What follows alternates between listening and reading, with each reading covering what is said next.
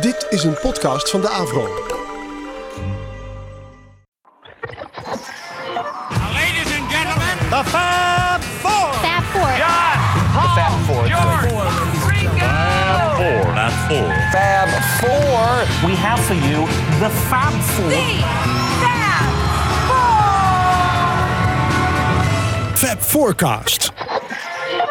So, Marcia Albert of Dublin Drive of Silver Spring has the honor of introducing something brand new and exclusive here at WWDC. Marcia, the microphone here on the Carol James Show is yours. Ladies and gem- gentlemen, for the first time on the air in the United States, here are the Beatles singing I Want to Hold Your Hand.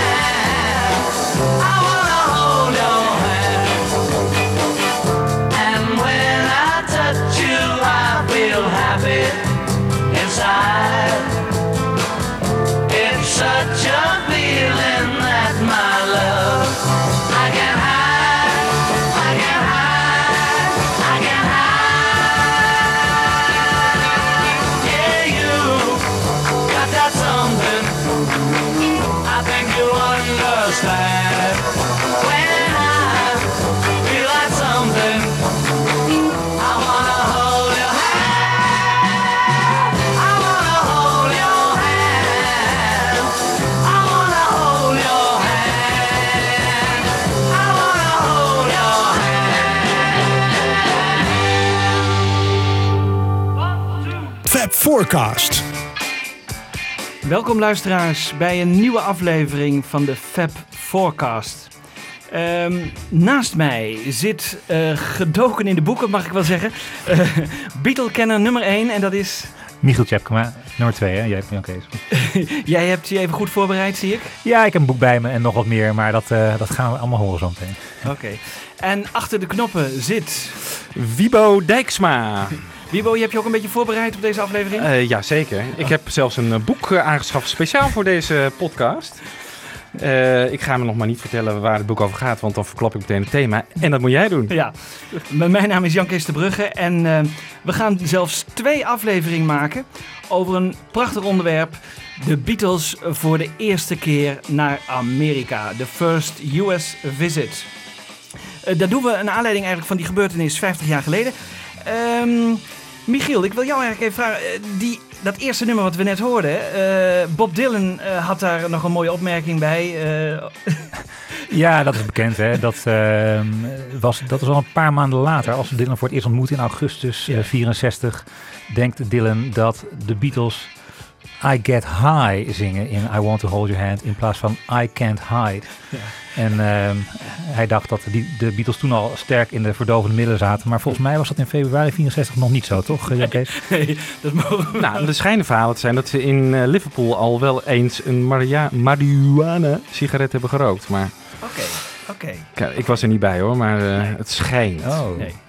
Maar het klinkt ook als I, I Get High, Ja, het klinkt ook een beetje Dus zo. dat Ja, is het heel- zeker in heel raar. deze rare, en de kenners hebben het ook waarschijnlijk ogenblikkelijk gehoord, deze rare fake eh, US stereo versie. Hè? Ja. Eh, ik geloof dat de originele stereobanden zijn verdwenen, die zijn er niet meer. Of er is iets mee, hè? Nou, eh, we weten Ja, ze kregen precies. volgens mij destijds niet de goede mix opgestuurd, niet de stereo mix. En toen hebben ze dus een soort fake stereo versie gemaakt, waardoor je dus de mono, die hadden ze wel gekregen, die gaat naar eh, één kanaal naar het linkerkanaal. En daar eh, gooien ze de bassen heel erg omhoog. Ja. En hetzelfde signaal gaat naar de rechter speaker, maar dan gooien ze de hoge tonen, de treble, heel erg omhoog. Met een klein, beetje vertraging ten opzichte van het eh, linkerkanaal, Ja, zodat het lijkt alsof het volle klinkt. En dat hoorden we net. Dat hoorden we net, ja. Ah, dus het eh, toch fake heel- stereo, ja. Het is toch heel goed dat we iemand van de techniek hier eh, in ons midden hebben die het allemaal kan uitleggen. Nee, heel erg leuk. En waar Nee. komt die vandaan? Komt dat van Meet the Beatles die hieruit liggen? Ja, zeker. Meet the Beatles, ja. Oké. Dus zeg maar de Amerikaanse With the Beatles. Ja, met wat andere tracklisting. Maar goed, ja. dezelfde hoes in ieder geval. Ja. Ja. Ehm, zeg Michiel, eh, eh, 50 jaar geleden, welke data ongeveer spreken we over? Kun je er iets over zeggen? Nou, we gaan eigenlijk het eh, chronologisch aanpakken vandaag, maar ehm, het begint op, eigenlijk op 7 februari eh 64 als ze naar Amerika vliegen. Het eindigt zo rond 2, 23 februari 64 als ze weer teruggaan. En die periode willen we coveren in deze show. En om er enig alvast aan te geven, hebben we besloten om het toch chronologisch aan te pakken. En dat betekent dat we aan het eind van deze show nog maar op 10 februari zijn. Dus we gaan eigenlijk maar drie dagen eh, met elkaar doornemen. Maar Ja. hebben we gezegd, we gaan ook al even iets van het voortraject spelen, eh, van, eh, bespreken. Van wat ging er aan 7 februari vooraf. Ja. Nou, daar gaat een hele hoop aan vooraf. Ehm, in ieder geval eh, Sid Bernstein. Hè? Dat is de, de man uit die tijd die de, de concerten organiseerde voor de Beatles in Amerika. En hij kwam al in contact eh, zo rond de zomer van 1963 met Brian Epstein. En dat willen we even laten horen. And I decided that if Beatlemania had touched England, it was inevitable that it would touch our shores. And so I did three weeks of exploratory work and found this young man that I'd been reading about, who was their manager, found Brian Epstein's home number. And I got him at home. And this was the summer of 63. Really early in the Beatles' uh, development, or at least in their st- famous stage of development. We made a deal on the phone for $6,500 for two shows. 6500 dollars voor two shows. Is dat niet erg weinig, eh, Michiel? Ja, dat is heel erg weinig. ehm, maar eh, wat, wat was dan echt zijn primaire doel van Sid Bernstein? Wat was zijn Ja, dat- was volgens mij toch de Beatles naar Carnegie Hall halen. Hè? Ja, dat dat, wilde- dat, dat ja, moest het ja. hoogtepunt zijn van de trip. Dat moest de hoogtepunt zijn van de show. Ja, de, van, van, van, van hun bezoek daar. Eh, Dat is waar. Ja, ja, ja. Later, hè, eh, toen ze een keer in New York waren, wilden ze eigenlijk het liefst zo snel mogelijk naar de Madison Square Garden halen. Maar eh, Carnegie Hall was zijn eerste doel. En eh, ik dacht eh, het Coliseum in Washington het tweede. Ja, dat was eigenlijk een soort voorbereidende show op die Carnegie Hall shows. Waar we helaas geen opnames van hebben. En die we dus ook niet kunnen draaien vandaag. Nee. Die bestaan überhaupt niet, hè? Nee. Nee. Nee. Niet dat wij ze niet hebben, want Nee. nee, we hebben alles. Maar interessant, hè? Hij maakt dus in de zomer van, eh, van 63 al een soort eh, overeenkomst met, eh, met Epstein. Van jongens, eh, de- twee shows voor 6500 dollar. Ik vind het eigenlijk helemaal niks, 6500 dollar. Maar eh, misschien was het wel eh, een hele hoop geld in die tijd, maar ik twijfel daaraan. eh. ja, volgens mij niet echt. Nee, maar hoe Nee. kwam die Sid Bernstein met, eh, op de Beatles? Hij volgde hij Nou, de scene in nee, Engeland? Nee, hij, hij las eh, bladen, vakbladen. En daarin las hij dat eh, in, in Engeland eh, een Beatlemania was losgebroken. En hij dacht, daar moet ik achteraan. Hij was eigenlijk helemaal niet zo'n grote promotor. Hij deed wel eens wat dingetjes, maar hij was nog helemaal geen, geen grote man op dat gebied. Nee. Maar hij dacht, eh, die Beatles die moet ik hebben. En als ik ze naar Amerika krijg, dan kan ik er misschien wel goed aan verdienen. Want daar gaat het natuurlijk om in Amerika. Dus hij eh, sloot al een deal met, eh, met Epstein. Maar Epstein dacht, ik moet ze ook op televisie hebben. Want zonder televisie ben je niks in Amerika. Dus hij eh, kreeg het geluk dat hij ook gebeld werd door Ed Sullivan. For years, we've visited London. So on one of our arrivals in late 1963 at London Airport, when Mrs. Sullivan and I saw hundreds and hundreds of youngsters, I asked what celebrity was arriving. and they told us the teenagers were awaiting the Beatles. Always on the lookout for talent, I decided the Beatles would be a good TV attraction for our show. So I contacted Brian Epstein, their manager, and we agreed on $10,000 for three shows, plus five round-trip plane tickets, plus their expenses for room and board in New York City. Ja. Jij zegt, eh, Jan Kees, dat hij gebeld werd. Maar is het niet ook zo dat Brian Epstein naar de Verenigde Staten toe is gevlogen? eh, de dag na de Royal Variety Performance in november, begin november 63. Dat klopt. Om, om de deal met eh, Ed Sullivan te gaan maken eigenlijk. toch? Ja, maar we horen hier ook uit, en dat denk ik ook, dat Ed Sullivan het eerste initiatief heeft genomen. Dus het ging niet van Epstein uit. Die heeft niet, niet mensen in Amerika opgebeld zei: jongens, kunnen we hier. Nee, beide initiatieven kwamen dus vanuit Amerika naar Epstein toe. Hè, En dan zien we dus hier dat hij 10.000 dollar eh, biedt. eh, eigenlijk meer dan die eh, shows, eh, die live shows. Ja. Ehm, en dat, eh, dat hij ook die tickets betaalt. Dat vind ik ook wel leuk. En die Plaza Hotel en zo, dat betaalt eh, Ed Sullivan allemaal. Ehm, ja, weet jij iets van die Ed Sullivan af, eh Michiel? Ja, Ed Sullivan dat was eigenlijk een, eh, een, ja, een journalist eh, van het geschreven woord. Dus was niet echt een natuurlijke presentator zeg maar, van het kaliber eh, Willem Ruis of zo. Maar een, ehm, een man die al vanaf 48 een eigen show had. eh, en dat was eigenlijk een... eh, zijn show kwam op naar aanleiding van een, weer een collega van hem... wat echt een komiek was, echt een natuur, natuurtalent op tv. En daar moest CBS wat tegenover stellen. En dat werd Ed Sullivan. En hij had niet een enorme stage presence, een heel natuurlijke eh, eh, eh, uitstraling of zo. Eerlijk gezegd, een beetje, een ja, mij doet hij altijd aan Richard Nixon denken. Ja, denk ook. Ja, weet je dat, Ja, ja, ja. die, die, die, die, nekloze verschijning, weet je wel? Die, Hallo, met die armen te zwaaien. show. Hij stond ook altijd met zijn handen over Ja, ja. Hallo, dus the has been jammed a hundred of newspapers. Ja. They are. Oh ja, op internet zijn ook hele mooie imitaties van Oh, hem ja. te zien. Ja, Ja. ook echt heel leuk. Ja. Ehm, Ja. En hij was eigenlijk een soort talent scout. Dus hij had een programma waarin allerlei variété eh, talenten, allemaal amusement eh, aan bod kon komen. Eh, en ja, hij had ook wel wat ro- grote rock'n'roll artiesten gehad. Hè? Dus hij heeft Ja. al Elvis Presley natuurlijk Ja, gehad. heeft hij geïntroduceerd, hè? Ja, Dat is zeker. ja, ja. Buddy Holly, Bo Diddley zijn al eerder bij hem in de show geweest. Ja. En de Beatles waren dus nummer vier. Ja, En Bo Diddley, dus ook nog wel een grappig verhaal, dat las Ja. ik ook in het boek. Dat, eh, die kwam natuurlijk eh, in die show en die had een nummer, dat heette Bo Diddley ook gewoon naar zichzelf. En Oh, ja. dat vond Ed Sullivan zo, Vond hij helemaal niks. nee, dat vond hij zo egoïstisch. Van, je gaat toch geen nummer naar jezelf noemen? Dus dat mag je niet spelen, maar wel een ander nummer.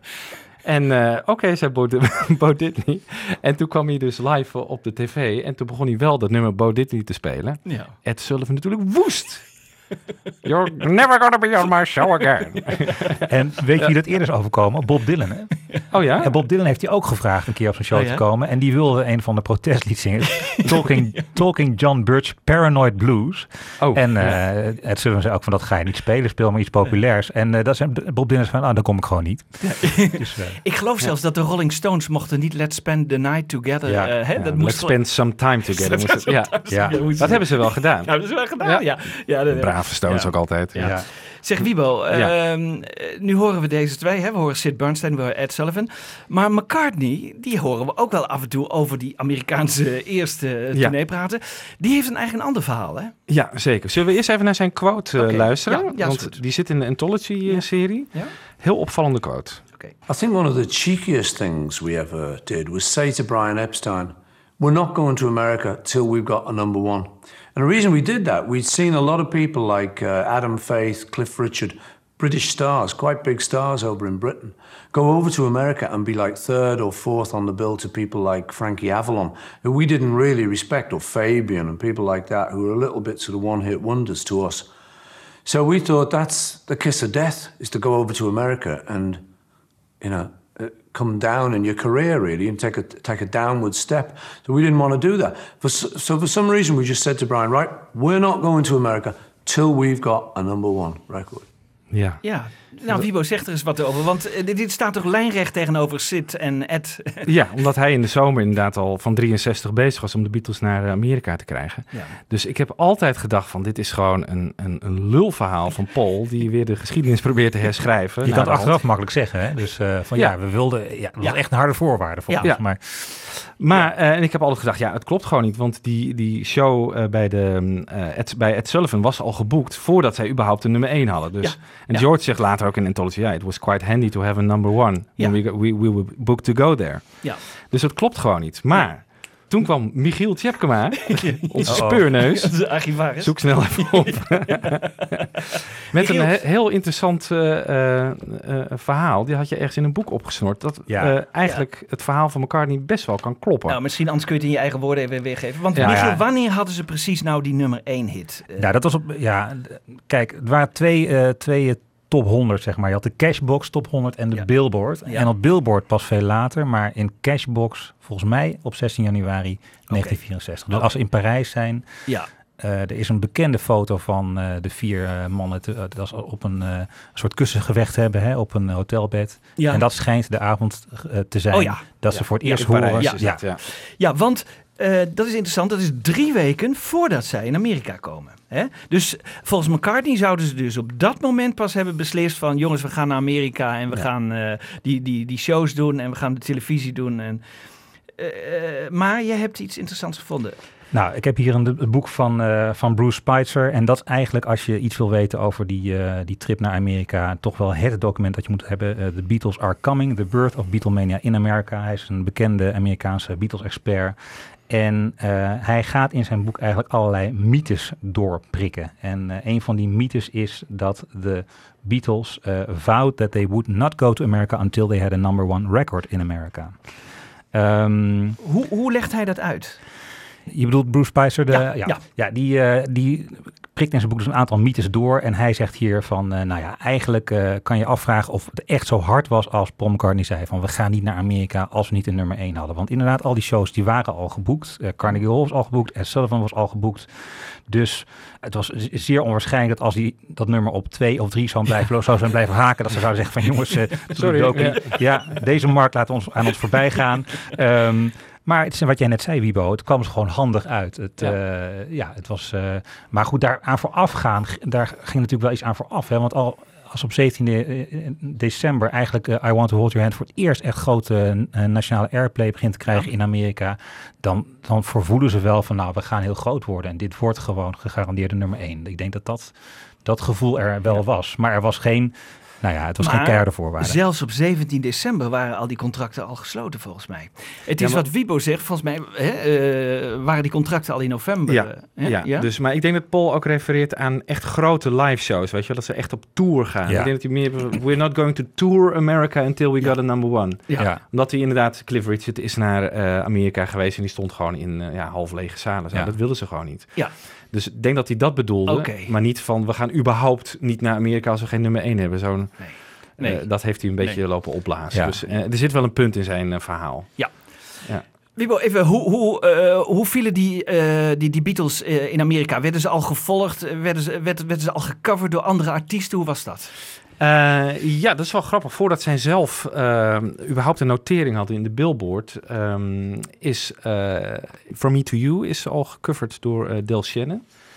Die eh, kwam in Engeland, eh, ik, ik weet het niet helemaal zeker, maar ik denk dat hij in Engeland eh, in contact kwam met de Beatles natuurlijk. Die waren daar helemaal hot. Ja. En eh, hij besloot eh, dat nummer From Me to You op te nemen. En het is eigenlijk best een leuke versie. En de allereerste Lennon-McCartney compositie die überhaupt in Amerika genoteerd werd. Dus Eh, ik heb hem hier klaarstaan. Zullen we hem even gaan luisteren?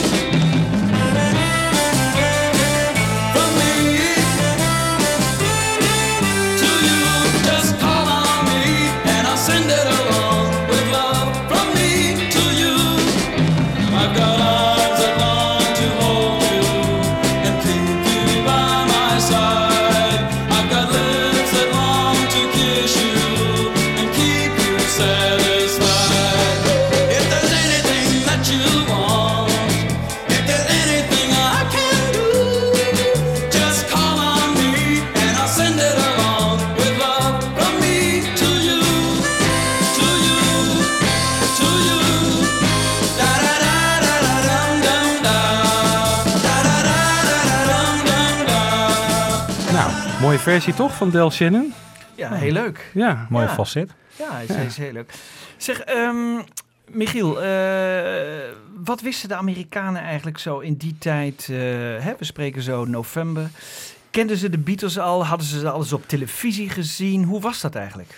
Nou, eh, wat leuk dat je die vraag stelt. Die heb ik net voorbereid. Jij hebt je erin Eh, verdiept, ja. Nee, ehm, nou, ze zijn. ehm, nou, op internet is er in ieder geval één fragment te zien. Eh, het allereerste fragment, ehm, eh, daar, wa- waar we geen beelden van hebben, maar wel geluid van. Ehm, dat was ergens begin november 63. eh, eh, ze- pin me niet vast op de ex- exacte datum. Maar iets wat we nu eerst gaan draaien, dat is het eh, fragment van eh, Alexander Kendrick. Dat was een, eh, een, bel, een, eh, een, sorry, een Engelse reporter voor CBS. Die ook bij een optreden van de Beatles was in. Waar was hij ook weer, jongens? Bournemouth. Bournemouth. Bournemouth. Bournemouth, ja. Bournemouth, ja. En Ja. CBS had daar een kort item over. En dat werd uitgezonden, jongens, op de dag die we ons nog lang zouden heugen. 22 november 1963. Yeah, yeah, yeah. Those are the Beatles, those are. And this is Beatleland, formerly known as Britain, where an epidemic called Beatlemania has seized the teenage population, especially female. Wherever the Beatles go, they are pursued by hordes of screaming, swinging juveniles. And besides being merely the latest objects of adolescent adulation and culturally the modern manifestation of compulsive tribal singing and dancing, the Beatles are said by sociologists to have a deeper meaning. Beatles themselves seem to have no illusions. They symbolize the 20th century non-hero as they make non-music, wear non-haircuts, give non-mercy. And meanwhile, yeah, yeah, yeah, the fan mail keeps rolling in and so does the money. This is Alexander Kendrick in Beatleland. Ongelooflijk, hè? Ja, Wat een neerbuigend toontje over die Beatles. Ja. Non-haircuts, non-music. Ja. Ja, het was overigens niet representatief, hè? want eh, de Amerikanen waren eigenlijk best pro-Beatles, toch? Hè? Want eh, eh, toen ze ze voor de eerste keer horen, hoorden, waren ze toch eigenlijk best enthousiast. Eh, ook die VJ-LP's en zo, die, die al uit waren daar in Amerika, die werden toch eigenlijk best goed ontvangen en werden toch wel eh, behoorlijk wat gekocht. Dit was natuurlijk ook wel een wat oudere man, denk ik, hè, Ja. die Alexander Kendrick. Ik had trouwens uit het oorspronkelijke eh, verslag even de hoogtepuntjes eh, gemonteerd. Die rare eh, Ja. radiogeluidjes, dat was eh, een soort bumpertje. en ik moet even vermelden dat begin januari eh, in de talkshow van Jack Paar, dat schreef Paar, eh, Ja. P-A-R, die had ook een eigen talkshow. En die was een beetje sneaky geweest, want die had bij de BBC opnames van de Beatles gekocht. Nog voordat Ed Sullivan zat uitgezonden. Dus die was, eh Ed Sullivan was ontzettend kwaad op Jack Paar. En dreigde zelfs om eh, de Beatles niet te laten optreden. Brian Epstein was ook lyrisch. Die eh, eiste van de BBC dat ze die opnames terug zouden vorderen. Ook dat is niet gebeurd. En die Jack Paar, daar is ook nog een heel kort fragmentje van op internet te vinden. Die is ook ontzettend neerbuigend. Die zegt van jongens, eh, ga maar lekker kijken naar de Ed Sullivan Show. Maar eh, ik, vind het, ik vind het helemaal niks. Ja. Ja. Oké, jij vertelde al net, eh, dit fragment werd uitgezonden op 22 november 1963. Eh, natuurlijk een, een, een datum eh, die alle Amerikanen nooit zullen vergeten. En ook een dag die eigenlijk van invloed is toch wel op de Beatles-geschiedenis een beetje. Het is, het is toch iets waar door het hele volk eigenlijk treurde. ehm, en waardoor de Beatles als afleiding extra welkom waren. Kun je er iets over zeggen? Nou, ik denk dat dat laatste eh, echt zo is. Ja, er zijn wel mensen die hebben gezegd van, eh, nou ja, door de dood van Kennedy of door de moord op Kennedy konden de Beatles zo groot worden, want eh, het Amerikaanse volk had afleiding nodig. Dat is denk ik net niet helemaal Nee, zo. Nee, het wordt Nee. er de laatste jaren ook wel echt tegengesproken hè, dat dat de reden was. Want het Ja. is al twee maanden later en eh, ja, ze zeiden ja, wij gaan eh, gewoon de, een week later. En dan is het nog later. Dan gaan we gewoon weer verder met onze leven. Ja. En dan komt de, Ja. de vrolijkheid toch wel weer terug. Ja. Ja. Dus- Maar jij zei het net denk ik wel goed, Jan Kees, want inderdaad, de Amerikaanse pers die bleef er maar over schrijven. Eh, natuurlijk, eh, het had een enorme nasleep, die moord op Kennedy. En op een gegeven moment had de schrijvende pers er wel even genoeg van. En wat dat betreft vormden de Beatles een welkome aanleiding om, Ja. over, om dan veel over te gaan Ja. schrijven. En zo kregen de Beatles ook toch ja, misschien meer coverage, meer aandacht dan ze anders zouden hebben gehad. Dat zou Oké, maar. Het was dus eigenlijk a day in the life of the Americans. I don't think that uh, we are fatigued or tired. We would like to live uh, as we once lived, but history will not permit it. Several shots were fired as President Kennedy's motorcade passed through downtown Dallas. Uh, crowds screamed and lay down on the grass. As the motorcade went by, police broke away and began chasing an unknown gunman across some railroad tracks. It was not known if the shots were aimed at the president. Repeat, it is not known if the shots were aimed at the president. This is Morgan Ron Guide in our newsroom, and there has been an attempt, as perhaps you know now, on the life of President Kennedy. He was wounded in an automobile driving from Dallas Airport into downtown Dallas, along with Governor Connolly of Texas. They've been taken to Parkland Hospital there, where their condition is as yet unknown. We have not been told their condition at Dallas in the downtown hotel room. A group has been gathered to hear President Kennedy when he was waiting his arrival. We have just been advised from Dallas that blood transfusions are being given to President Kennedy. The rumor that has reached them at uh, the hotel that uh, the president is dead. Totally unconfirmed, apparently, as yet. However, let's go back to KRLD in Dallas. Word just came to us a minute ago. The word we have is that President Kennedy is dead. This we do not know for a fact. The word we have is that he is dead, that he was shot by an assassin at the intersection of Elm and Houston Street uh, just as he was going into the underpass. The word we have is from a doctor on the staff of Parkland Hospital who says that it is true. He was in tears when he told me just a moment ago. It was just an hour ago that the incident took place. We have just learned, however, ever that Father Hubert, one of the two priests called into the room, has administered the last sacrament of the church to President Kennedy. From Dallas, Texas, the flash, apparently official, President Kennedy died at 1 p.m. Central Standard Time, 2 o'clock Eastern Standard Time, some 38 minutes ago. Vice President Lyndon Johnson has left the hospital in uh, Dallas, but we do not know uh, to where he has proceeded. Uh, presumably, he will be taking the oath of office shortly and become uh, the 36th President of the United States. Ladies and gentlemen, we have a press report over the wires. We hope that it is unconfirmed, but we have to doubt it. The President of the United States has been the victim of an assassination. We will play the funeral march from Beethoven's Third Symphony.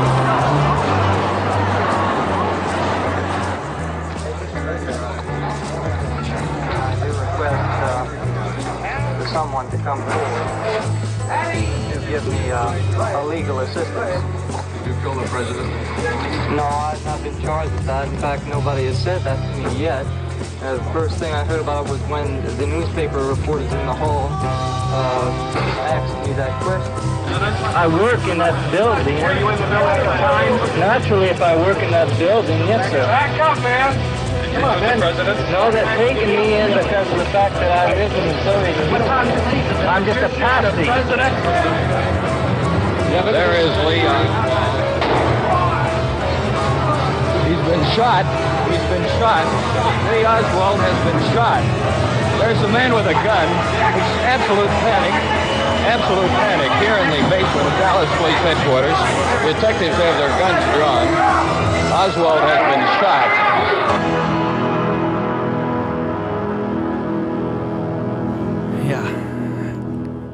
Een indrukwekkende geluidscollage gemaakt door de Beatles remixersgroep in Amerika. Dit is een traumatische ervaring in het leven van de Amerikanen. En ehm, we horen daarin onder andere eh, Walter Cronkite. En dat was ehm, de grote anchorman in Amerika eh, van het nieuws. En ehm, hij mocht met zijn dochters naar Ed Sullivan. En eh, omdat hij zo'n grote was, mocht hij zelfs in de kleedkamer bij de Beatles met zijn dochters even op bezoek. En eh, zijn dochters die hem eigenlijk nooit zagen staan, die eigenlijk eh, onbelangrijk vonden wat hij, eh, wat hij deed op de Amerikaanse televisie, vonden Ja. hem toen in één keer de held. vader van de hele wereld. Ehm Wiebe, hoe staat het eigenlijk zo rond die tijd met de Amerikaanse muziek? Jij hebt je daar even in verdiept. Ja. Wat, wat, wat, wat, wat, waar luisterden de Amerikanen naar in die tijd? Nou, het was behoorlijk eh, zoetsappig wat, wat er in de hitparade stond. Eh, af en toe nog wel eens een wat lekker eh, eh, rocknummertje. eh, maar nooit hebben die het tot de nummer 1 plek gered. Dus, ehm, eh, en het beeld heerst inderdaad van nou, toen de Beatles kwamen. Daarvoor was het gewoon allemaal helemaal niks in de hitparades. En als je de vijf nummer 1 hits pakt die voor I Wanna Hold Your Hand eh, in de Billboard op één stonden, dan, eh, ja, dan klopt dat ook wel redelijk. Ik heb even een compilatie gemaakt van, eh, van die vijf dus.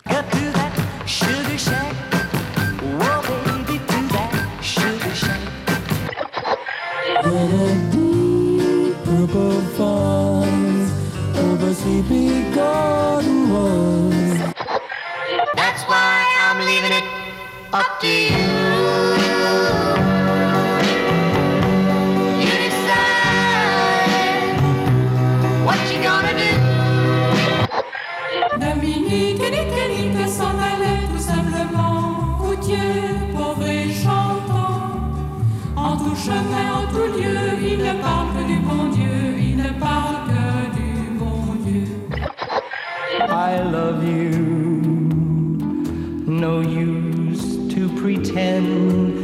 There, I've said it again. Wow, Ja. jongens. Nou, als De dat enige- niet zoet is... Ja, de enige die ik herkende was eh eh Sir Sourier, hè, de zingende non. Ja. Er, er was toch een enorm verschil hè, tussen Amerika en Europa volgens mij. In die tijd eh, qua muziekkeuze in nummer 1 en zo. eh. Ja, ik heb, de, ik heb me daar niet echt in verdiept in wat er nou bijvoorbeeld in Engeland... De Beatles stonden natuurlijk eh, op één in Engeland, dus dat was wel eh, eh, lekker aan het rocken. Maar hoe het in Nederland volgens mij, ja, wat hadden we? Anneke Greunlo en dat soort... Rob de Nijs? Rob de Nijs met dat eh De op het eh, Ja. Ja, dat soort Maar- dingen. Maar ook dit beeld moet je misschien weer een klein beetje nuanceren. Hè? Want er zit inderdaad eh, mooi al die, ehm die, is. zoetsappigheid. Maar in ieder geval, Louis Louis was een, een hitje van de hit, een enorme hit van de Kingsman. Die zes weken op nummer 2 stond in, in december 63. En we kunnen ook nog even melding maken van Surfing Bird by the Trashman. En dat was ook een ander nummer, dat noemt Bruce Spicer. En die zegt van, nou, er gebeurde ook wel wat opwindende dingen. Wel maar zodra er zo- zo'n Belgische zingende non langs kwam, gingen alle Amerikanen plat. Ja. ja, ongelooflijk hè? Eh, Michiel, jij hebt je ja. er even die- in verdiept. Eh, Capital eh, kwam op een gegeven moment eh, in de picture. Hè? Ehm, zij gingen de Beatles uitbrengen. Eh, je hebt het al net even genoemd in december. Ik dacht 17 december. Eh, hoe zat het in elkaar? Wat was de eerste single? Hoe was dat eh, geregeld? Nou ja, voordat I Want To Hold Your Hand uitkwam, toen eh, hadden de Beatles op het VJ-label en op het Swan-label al wat singeltjes uitgebracht. Please, Please Me, From Me To You en She Loves You. En eigenlijk was het zo dat tot die tijd ehm, Capitol maar bleef weigeren om Britse muziek uit te brengen. Omdat men toch dacht van ja, dat is niks voor de Amerikaanse markt. Dus die hits worden op een kleiner label uitgebracht. eh, of die nummers worden op een klein label uitgebracht. En doen helemaal niks. Wat wil je ook als er helemaal geen promotie aan eh, besteed wordt. En Capital krijgt dan. ehm, Is het overigens komt- te, komt- ja, is het te verklaren of zeg je het is een blunder geweest van eh, Capital? Ehm, nou, ik denk, eh, eh, achteraf gezien kunnen we het toch wel als een blunder bestempelen van met name één man die bij Capital aan de knoppen draaide. Ja. Mr. Wiebo? Dave Dexter.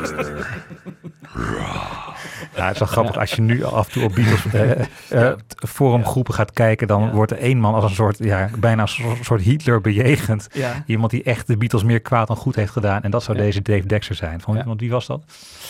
Capital was overgenomen door een Engels bedrijf, EMI, ons Ja. wel bekend. Wat natuurlijk eigenlijk heel vreemd is, want in Amerika, dat was de, het grote muziekland eh, waar iedereen in Engeland ook tegen opkeek. Ja. Maar EMI had op een of andere manier eh, Capital gekocht. Ja. Met ook een beetje de deal van, nou, af en toe moet er wel eens wat Engels materiaal op de Amerikaanse markt eh, komen. Dus, en daardoor werd dus ook de Beatles aangeboden aan, en Dave Dexter ging erover om te beslissen of dit geschikt is om op de Amerikaanse markt te brengen. Ja. En toen kwam dus, eh, volgens mij was From Me To You de eerste. Nee, Ja. niks. Ja, nee. Niet. She Loves You niet. Nee. Nee, het werd allemaal niks.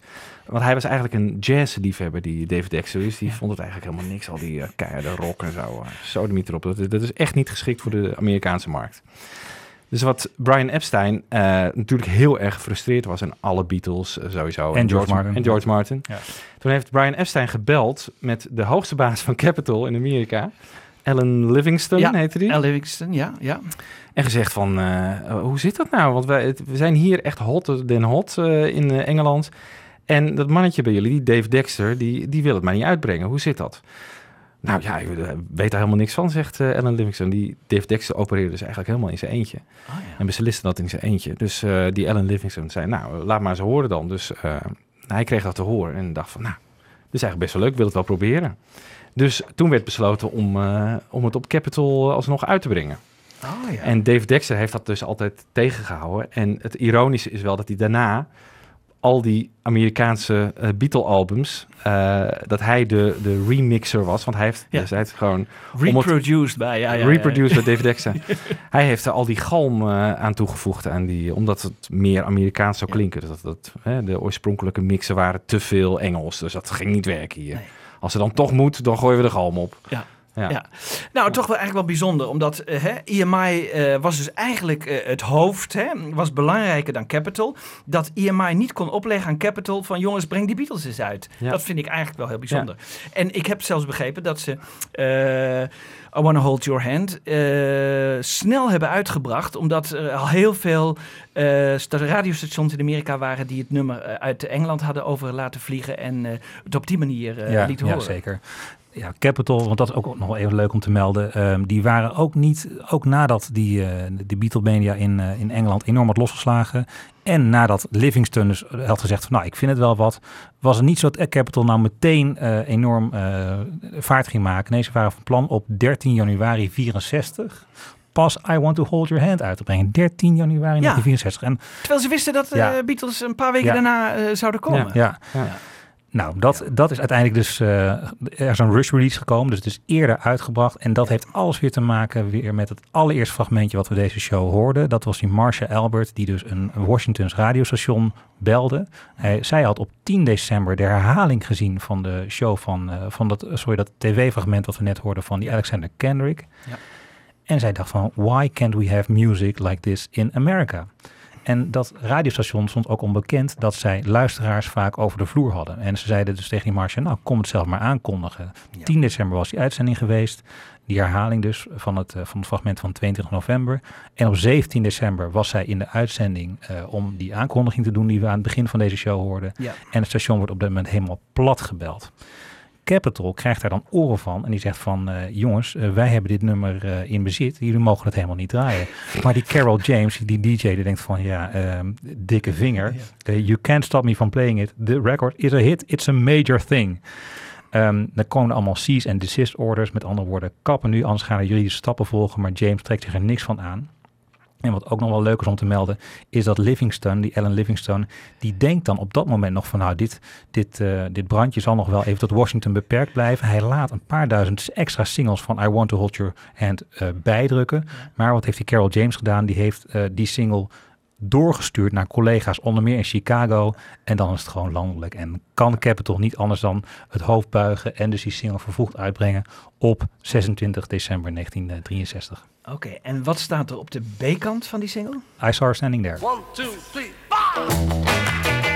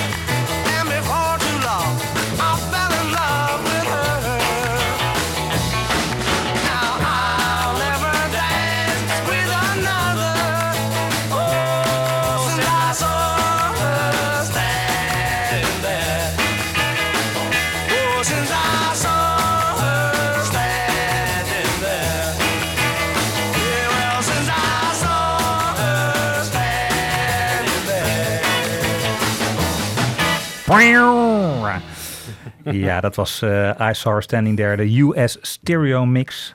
Die dus de B-kant was van de Amerikaanse I Want To Hold Your Hand. En ehm, ja, die, Brit, die, eh, die, eh, die DJ Carol James, die had dus een exemplaar van die single te weten te bemachtigen. Hij ehm, kreeg dat singeltje via, eh had het laten bestellen. En dat werd hem bezorgd via een luchtvaartmaatschappij, namelijk de British Overseas Airways Corporation. Zeggen jullie dat wat? BOAC. Ja, ja, ja. Didn't get to bed last night. Ja. Ja. Nerd alert. Ja, ik dacht, eh, god, ik heb ook even een weetje, maar... eh, nee. Jammer, joh. Ja, jongens, we zijn, dit was even de voorgeschiedenis. We gaan gewoon snel naar Ja. 7 februari. We zijn nog niet eens in Amerika. Nee, stap in het We- vliegtuig. We, gaan, we gaan in het vliegtuig. Ja, we stappen in het vliegtuig. Dat hele vliegtuig, jongens, dat is een mooi verhaal. Dat hele vliegtuig staat bijna alleen maar vol met mensen die iets met de Beatles, van iets van de Beatles wilden. Of eh, iets met de Beatles te maken hadden. Hè. Eh, we hebben al gehoord dat Ed Sullivan vijf tickets had betaald. Hè. Dat was eerst, waren eerste klas tickets. Maar er zaten ook eh, bijvoorbeeld Phil Spector en de Ronettes zaten daarin. Want Phil Spector, hoorde ik voor deze uitzending nog even van jullie, was eigenlijk bang in het vliegtuig. Maar dacht, als ik met de Beatles meevlieg, dan kan het niet misgaan. Er waren heel veel zakenlieden die, zich, die een ticket hadden genomen. In de hoop met Brian Epstein te kunnen praten. Want Brian Epstein was die maanden daarvoor bijna onbereikbaar. Die had, zich natuurlijk ontzettend bezig gehouden met die hele Amerikaanse tournee. En er waren heel veel zakenlieden die wilden aan de Beatles verdienen. Dus die wilden een deal sluiten van eh, ik wil dit met de Beatles, ik wil eh, koppen met de Beatles, ik wil posters met de Beatles, ik wil alles met de Beatles. Nou, die dachten als ik nu in dat vliegtuig ga zitten, dan eh, kan ik wel even naar Brian toe lopen en die deal rondmaken. Maar Brian heeft zich volkomen afgesloten. Er waren Engelse kranten, de BBC was erbij, een, een Liverpool verslaggever George Harrison van de Liverpool Echo was erbij, de andere George Harrison. Enfin, die, dat hele vliegtuig staat overvol. Negen uur lang. Ik geloof dat de Beatles zich erg vermaakt hebben. Eh, met gesprekken met allerlei mensen. En eh, Ringo eh, zat nog wel een beetje in de piepzak. Hij, zag, hij dacht, nou, als er nou helemaal niemand op dat vliegveld staat, dan slaan we natuurlijk een modderfiguur. En de andere Beatles waren eigenlijk ook bang van, zouden de fans wel naar het vliegveld komen? Dus ze hadden al een capital gevraagd. Als jullie nou zorgen dat alle fans die naar het vliegveld komen een t-shirt krijgen. Nou, daarmee waren de fans naar het, het vliegveld gelokt. Maar dat was totaal niet nodig, want er kwamen echt duizenden fans naar Kennedy Airport. En eh, daar werden de eh, Beatles verwelkomd. En eh, ook journalisten gingen alvast naar Kennedy Airport toe. And what's your name, please? Uh, Joe, uh, excuse me, Joe, uh, Joe Michelle. Joe, how old are you? Uh, 16. And you're a Beatle fan, That's obviously. right, how long yeah. have you been here waiting? About three hours. And what's the big attraction of the Beatles to you? Well, it's just that it's a whole new sound. They have class, they have style, and it's something completely different. It's uh, just taking over. Is it really the first singing group that you've felt especially keen on? Uh, yes, it is. Uh, Elvis Presley didn't no, do it to you? nothing at all. Do you have all the records? Yes. What's your name? My name is my name is Lois Grossford from James Madison High School in Brooklyn. You've been waiting here a long time. I've been waiting here four and a half hours. What are you going to do when the Beatles come? I think I may faint. That's all. my mother even loves them. She goes crazy when I play their album. And if they're uh, my mother just loves them. That's all I could say. Oh, really? My so, mother loves them. so their appeal isn't limited just to young kids, No, but that's to everybody. Even my grandmother goes dancing when she Is hears that them. so? My grandfather busts around when he hears them. Are, are, are you do you have a, you have a, a cheer, a special routine you go through? It's just one big loudspeaker. We're just gonna uh, spell Beatles and scream it. That's all. we The whole them. group of you? Yes. The hundreds and thousands of you that are Hundreds here? and thousands of us. We're gonna do it. Let's hear you do it. We love you, Beatles. Oh, yes, we do. We love you, Beatles, and we'll be true. Ja, dat waren die, eh, een, paar van die eh, duizenden fans. En ehm een van de fans was ook een discjockey uit eh, New York. Dat was Murray de Kay. En ehm, hij dacht, hoe kom ik met die Beatles in contact? Eh, er werd een persconferentie gehouden. Overigens, eh, voordat de Beatles naar de persconferentie gingen... werden hun koffers allemaal één voor één doorzocht. Het was dus niet zo dat ze een, eh, een, een, voorkeursbehandeling kregen. Nee, die New Yorkse douane die was heel streng, ook voor de Beatles. En nog altijd... Maar goed dat ze nog niet aan de drugs waren in die tijd. ja, ja, ja, ja. ja. Maar daarna werden ze naar een persconferentie geloodst die nog nooit zo groot was geweest, met zoveel zoveel reporters van. eh, het werd rechtstreeks uitgezonden door de CBS, televisie, eh radioreporters, krantenreporters. En die Murray de Kay die dacht: ik moet opvallen. Ik zet een strohoedje op. Het was koud, het was eh, winterachtig, maar ik zet een strohoed op en probeer enigszins met George of met een van de andere Beatles in contact te komen. En dat lukte. En dat vertelt hij in het volgende fragment. Can we please have quiet? Quiet, please. Oh, hey. Let the feasting begin. Unless you keep quiet, we don't even have it. I was the anchor man to try to get an interview in that horde of newspaper and radio and television people. Do da, do da. And they came in and they started rapping with the reporters. And um, I was wearing one of my uh, straw hats in the middle of winter or something, I forget. And I remember we, were- we were in the front row at the time, uh, the radio people. And George turned to me and he said, hey, I dig your hat. And I said, yeah, uh, great. I said, uh, I hear you came over with a friend of mine, uh, some friends of mine, the Ronettes and Phil Spector. Said, yeah, who are you? I said, I'm Murray the K. So George says, hey, this is Murray the K. And all the fellas started coming over to, uh, you know, start to rap. And there I was with the cameras whirling, standing there just rapping. I forgot that my mic was on. And the, on the CBS network at the time, they were live on television. And they said, hey, tell Murray K to cut that crap out. You tell Murray K to cut that crap out. Cut that crap out. Hey, Murray. Ja, leuk hè? Grappig. Ja.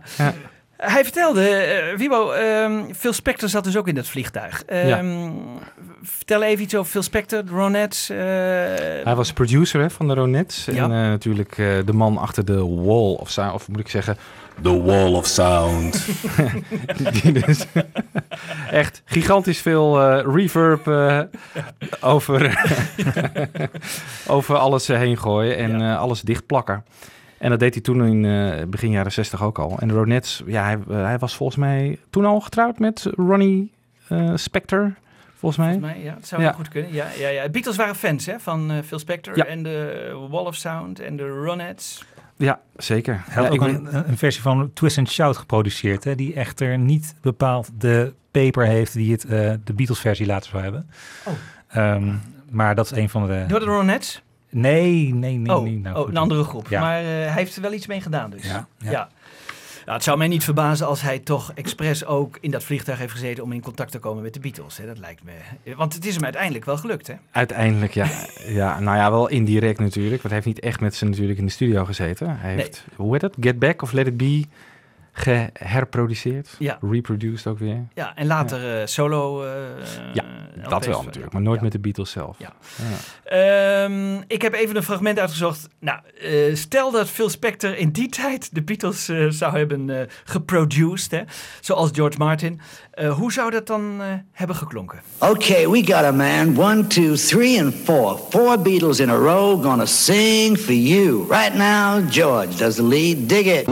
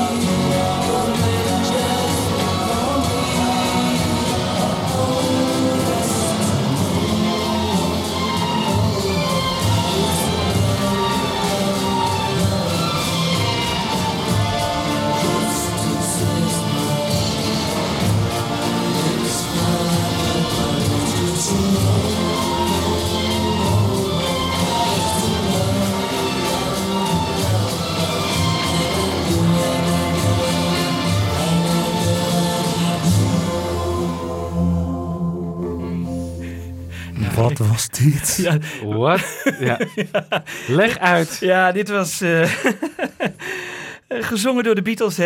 Eh, to know her is the lover. En dan ehm, eh, zoals het zou hebben geklonken met The Wall of Sound eh, van Phil Spector. Ja. Eh, het is natuurlijk niet echt, maar eh, het is even een grapje tussendoor. Jij vertelde het net, Wibo, hoe, hoe die Wall of Sound klonk. Nou, dit is eigenlijk een goed voorbeeld daarvan. Ja. Eh, ik, het is wel knap gedaan. Het is wel leuk gedaan, maar... eh, De, de eh, versie van de Beatles is wel vertraagd volgens mij, toch? Ja, ik denk Hierin. dat er van alles Ik herkende John bijna niet. Nee. En hij kondigde het aan als... eh ja, is George. Eh, ja, want dit Ja. was Murray de Kay overigens die dat eh, even aankondigde. Ja. Murray de Kay die was op die persconferentie. Eh, Michiel, die persconferentie, daar moet jij even iets over vertellen, want dat heeft grote indruk Een gemaakt. diepe zucht. Michiel, dat- je, zit hier, dat- je moet hier dat heeft het echt groot- zien hoor. Hij zit hier als een professor Ja, ja, echt, echt in de met zijn boeken. Ja, geweldig. Nee, ik oh, vind dan het pakt hij echt dat ontzettend boeken weer leuk. bij. Ja, ik heb hier... Want Michiel, die, die persconferentie heeft een grote indruk gemaakt op de Amerikanen. hè? Nou. Of op de pers. Of, eh, wat, vertel daar eens iets over. Je moet het eigenlijk gewoon zien, want ik kan het allemaal wel na gaan vertellen, maar het is een, eh, de, frisheid en de gevatheid van, van de vier jongens uit, eh, uit Liverpool, die maakte diepe indruk op de Amer- Amerikaanse pers. Ehm, die tegelijkertijd, en dat moet me wel van het hart, niet nalaat om voortdurend te informeren naar hun haardracht. Valt jullie dat ook op? En hebben jullie daar ook aan gestoord? Ja, domme je- vragen. Heel veel domme vragen, Alsjeblieft, toch? zeg, alsjeblieft. Ja. Maar goed, de, de, de, de Beatles reageren eigenlijk heel sportief op. En ze zijn vaak zo ontzettend gevat. Eh, een van de leukste antwoorden vind ik nog altijd als eh, John Lennon wordt gevraagd van... eh, of, wordt echt gevraagd van... wat denken jullie dat de, de, muziekkopende, de muziekkopende publiek zo bevalt aan jullie? En dan zegt John uiteindelijk... If we knew, we'd form another group and be managers. Ja. dat is het, eh, Goeie, ja. Ja, de vragen overigens die waren heel slecht te verstaan in die, in die tijd. Eh, die zijn even opnieuw gesteld, maar we horen wel eh, met wat leuke antwoorden van de Beatles uit de persconferentie op Kennedy Airport. Are you embarrassed by the Beatlemania, the near lunacy that you create? And they answered. No, it's great. We like lunacy. Yeah. Healthy. We then relayed a request from a young gal reporter in the room who wanted to hear them sing a song. In unison, they replied. No.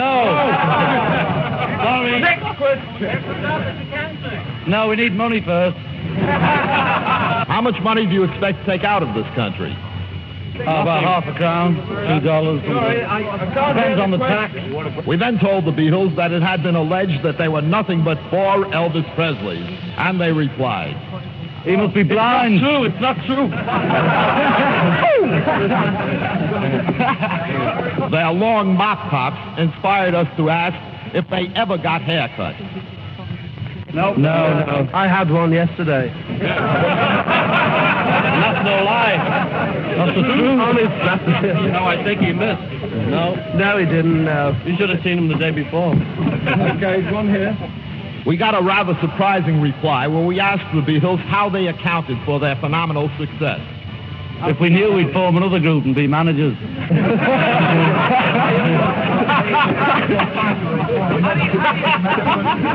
The next question was why do you sing like Americans and speak like Englishmen? That is English, ah, that's actually. It's not English, it's Liverpudlian, you see. Well, the Yeah. Liverpool, the Liverpool accent. So the way you say some of the words, you know, you say grass instead of grass. Grass? Well, that sounds a bit American. So there you go. Liverpool. Anyway, it sells better. The capital island. We then asked the Liverpudlian lads if they had heard of the Stamp Out the Beetle campaign being organized by a group of Detroit students and exactly what they intended to do about it. First of all, we're bringing out the Stamp Out Detroit campaign. you know, Seriously, what do you intend to do about this Snap Out the Beetle campaign? What about it? How big are they? Well,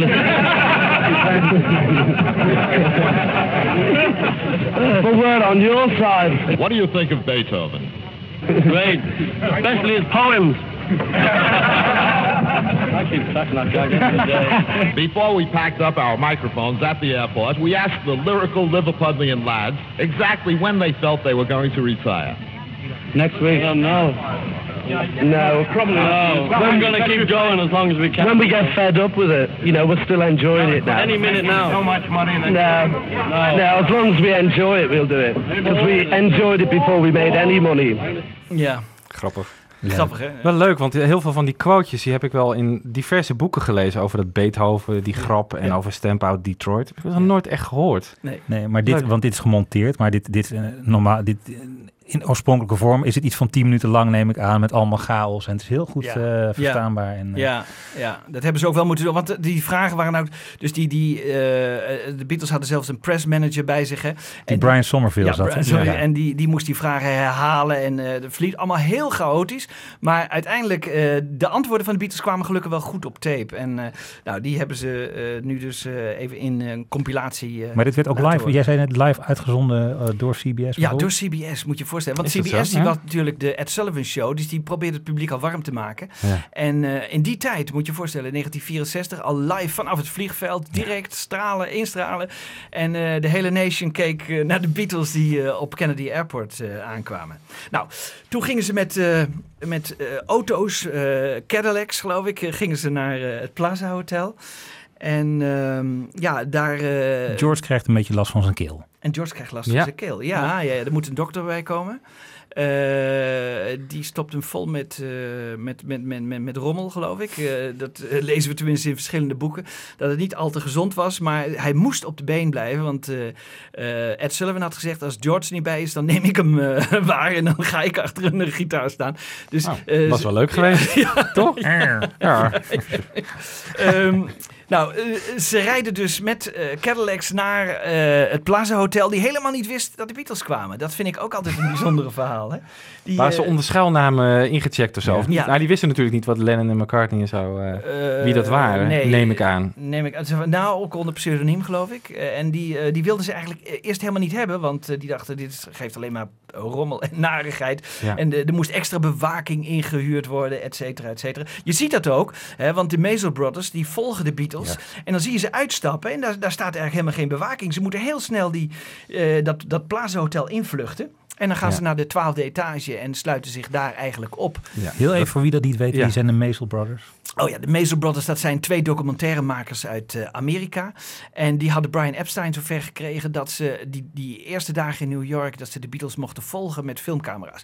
En dat was eigenlijk in die tijd heel bijzonder, want het was net de tijd dat je draagbare filmcamera's had met losse geluidsapparatuur, zodat ze heel documentairachtig konden draaien. Dat, voor die tijd moest het allemaal met grote camera's, met Dat betekende, dat waren zware camera's en op, op, op statieven. Statieven, ja. Maar toen konden ze vanuit de schouder zo die Beatles volgen. Dus ze konden met ze in de auto en eh, richting het Mooie Plaza beelden Hotel. levert dat ook op. Levert het prachtig. Ja. Je ziet Paul McCartney luisteren naar een, eh, een radiootje.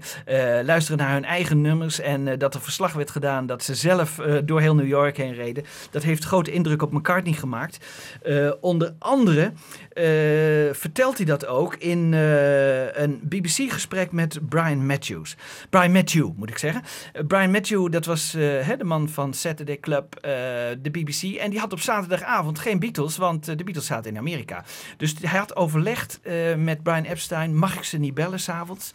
En dan eh, zend ik dat gesprek uit eh, in mijn programma. Eh, nou, eh, dat was ook nog een heel probleem, want er, er belden natuurlijk honderden mensen naar het Plaza Hotel.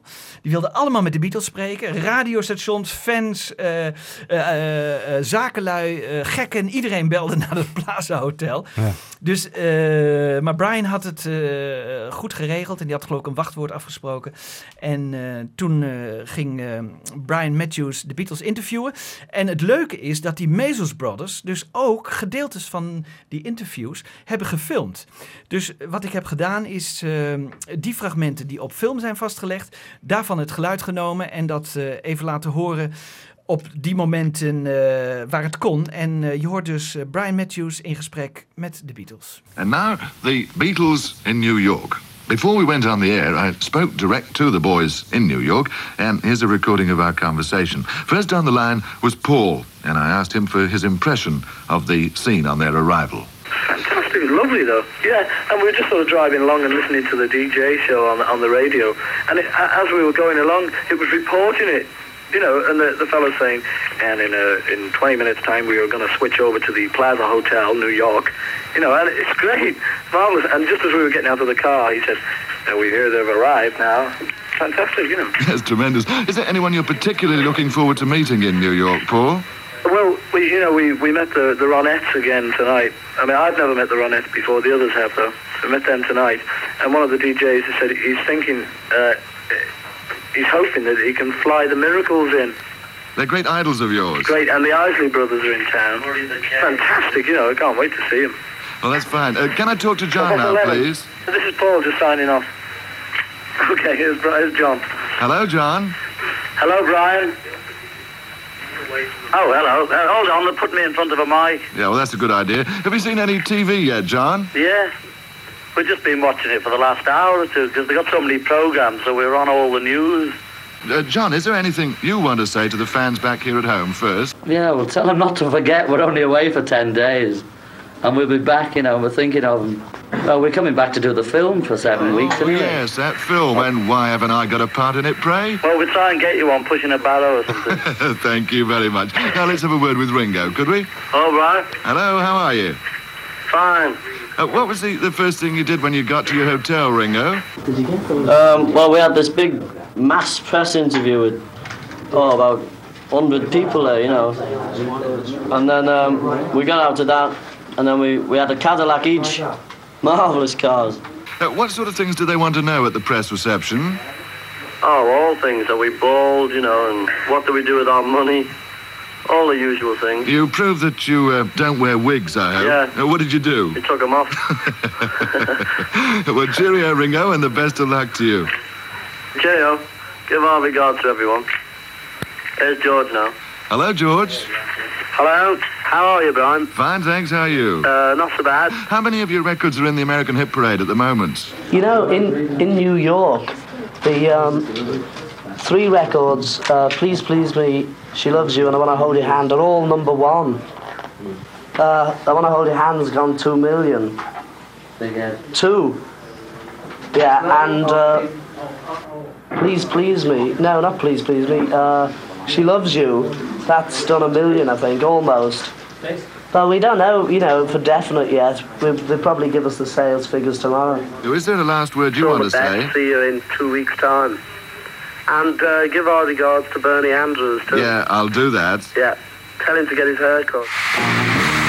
Ja, mooi om te horen die, eh, die interviews met Brian Matthew. En eh, ja, wie meer filmmateriaal wil zien van die avond, die raad ik zeer de, de compilatie aan die, die eh, van die film van de Mason Brothers is uitgekomen een paar jaar geleden, de First US Visit. En een fragment dat daar niet op staat, maar wel op, eh, op internet rondzinkt, is er een waarbij eh, John op een soort, ja, hoe noem je dat, een mondpiano of een... eh, ja.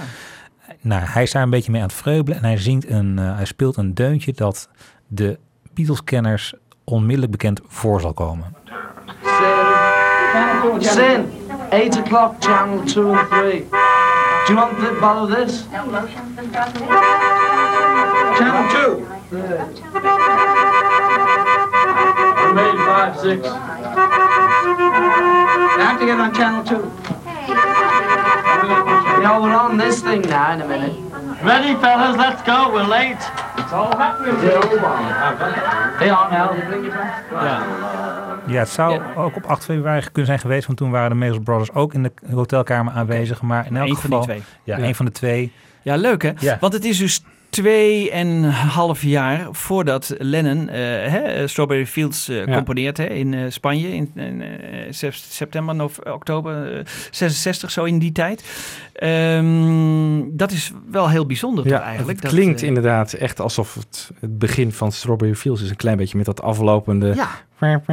Maar toch geloof ik er helemaal niks van. Nee, nee. Nou ja, Ja? het kan natuurlijk wel blijven, eh, gewoon onbewust eh, Ja. blijven hangen in zijn hoofd Maar of zo. je- dat, dat zou altijd kunnen. Zoals Eleanor Ja. Rigby ook ergens op een grafsteen staat en dat Ja. zomaar in het hoofd van McCartney op kan zijn gedoken.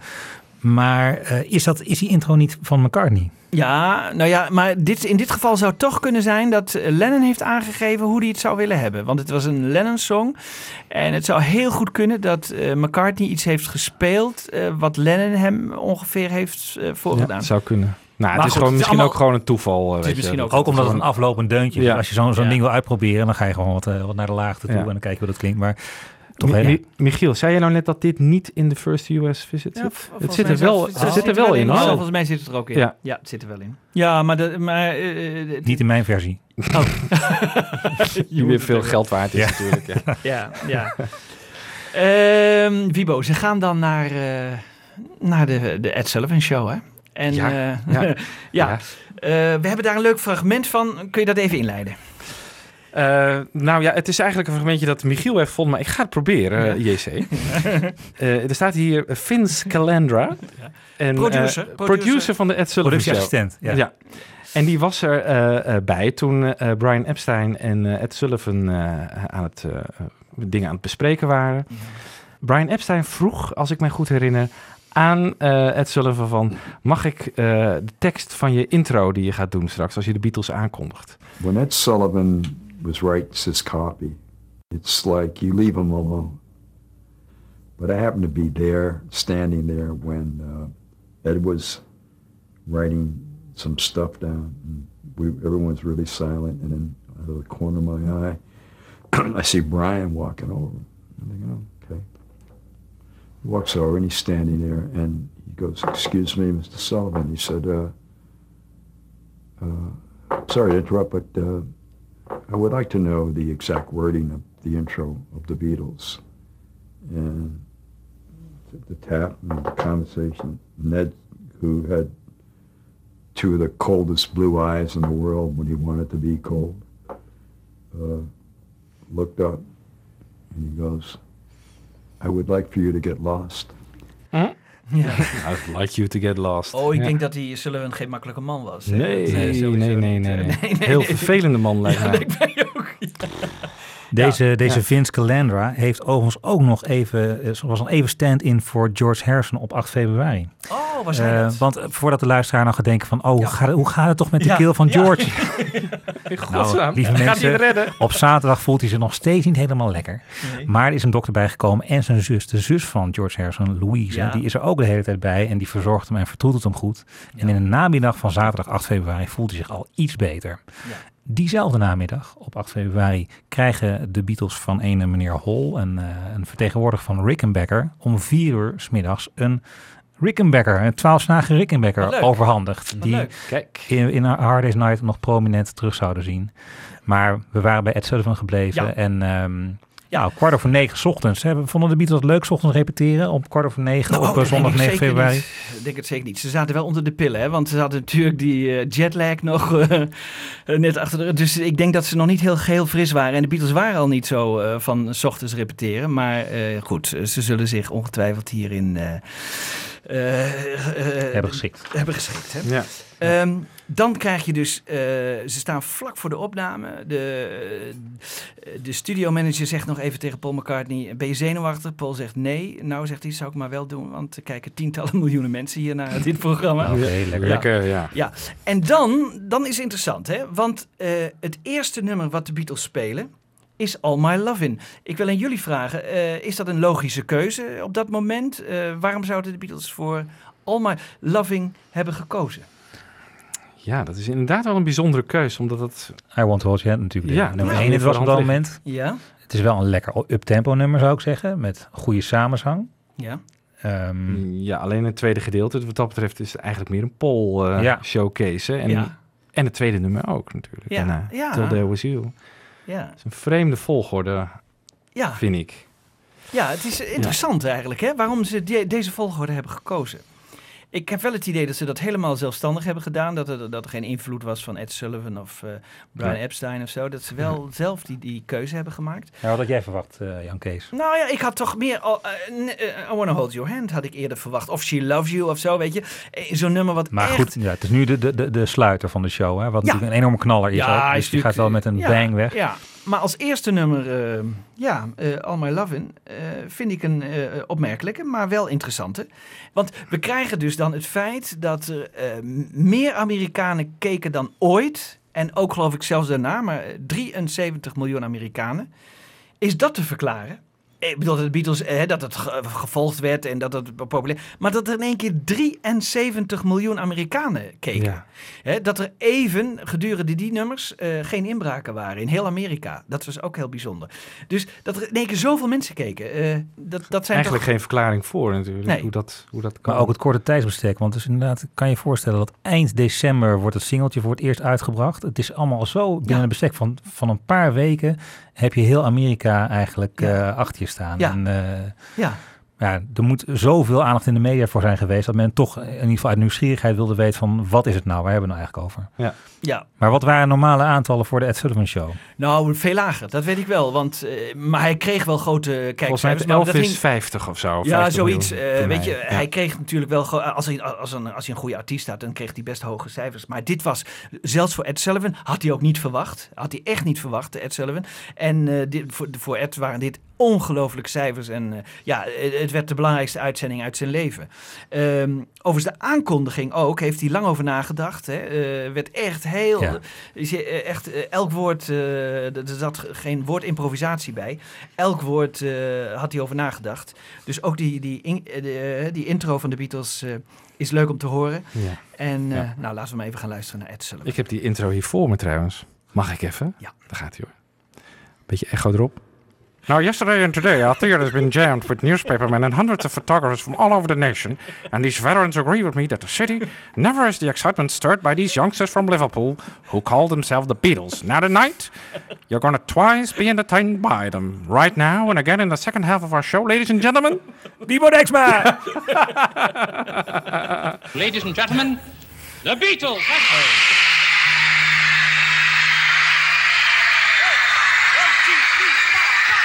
Close your eyes and I'll kiss you. Tomorrow I'll miss you. Remember, I'll always be true. And while I'm away, I'll ride home every day. And I'll send all my loving to you. I'll pretend that I'm kissing the lips missing and hope that my dreams will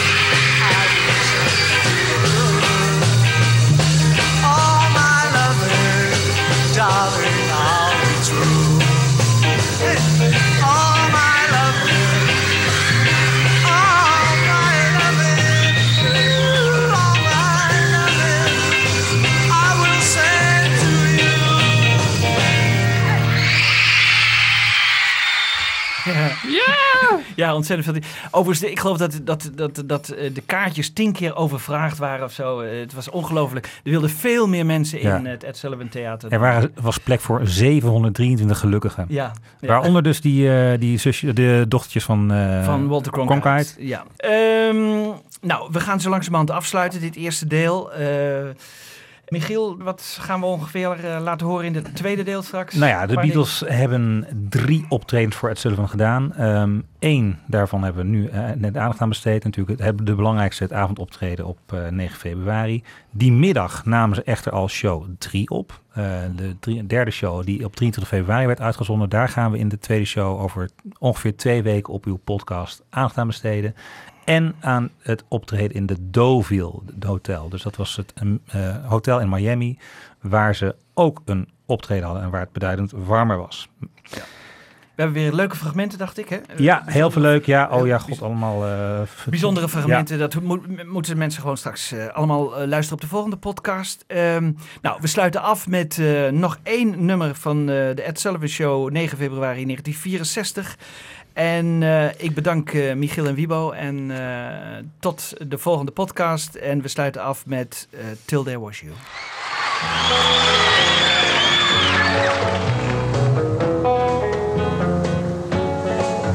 There were bells on a hill, but I never heard them ringing. No, I never heard them at all till there was you. Sky, but I never saw them winging. No, I never saw them at all till there was you. Then there was music, wonderful roses.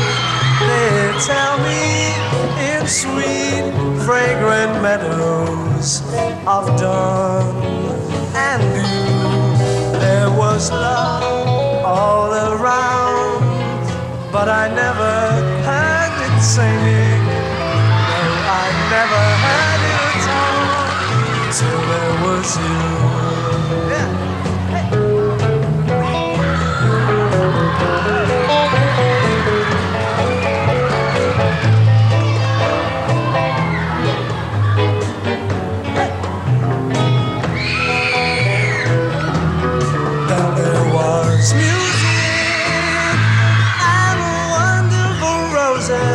They tell me in sweet, fragrant meadows of dawn and you.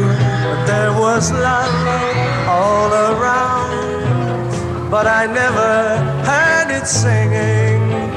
No, I never heard it at all till there was you.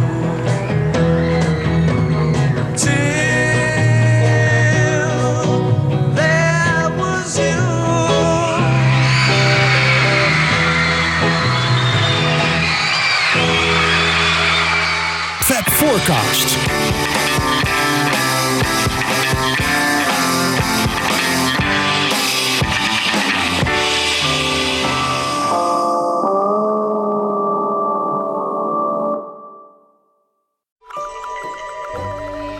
Dit was een podcast van de Avro. Wij maken tientallen podcasts per week. Van klassiek tot pop, van actueel tot Avro-archief en bijzondere radio-uitzendingen en speciaal voor podcast gemaakte programma's. Kijk op avro.nl slash podcasting voor een compleet overzicht. Wij bieden als luisteraar alle vrijheid, nu en in de toekomst.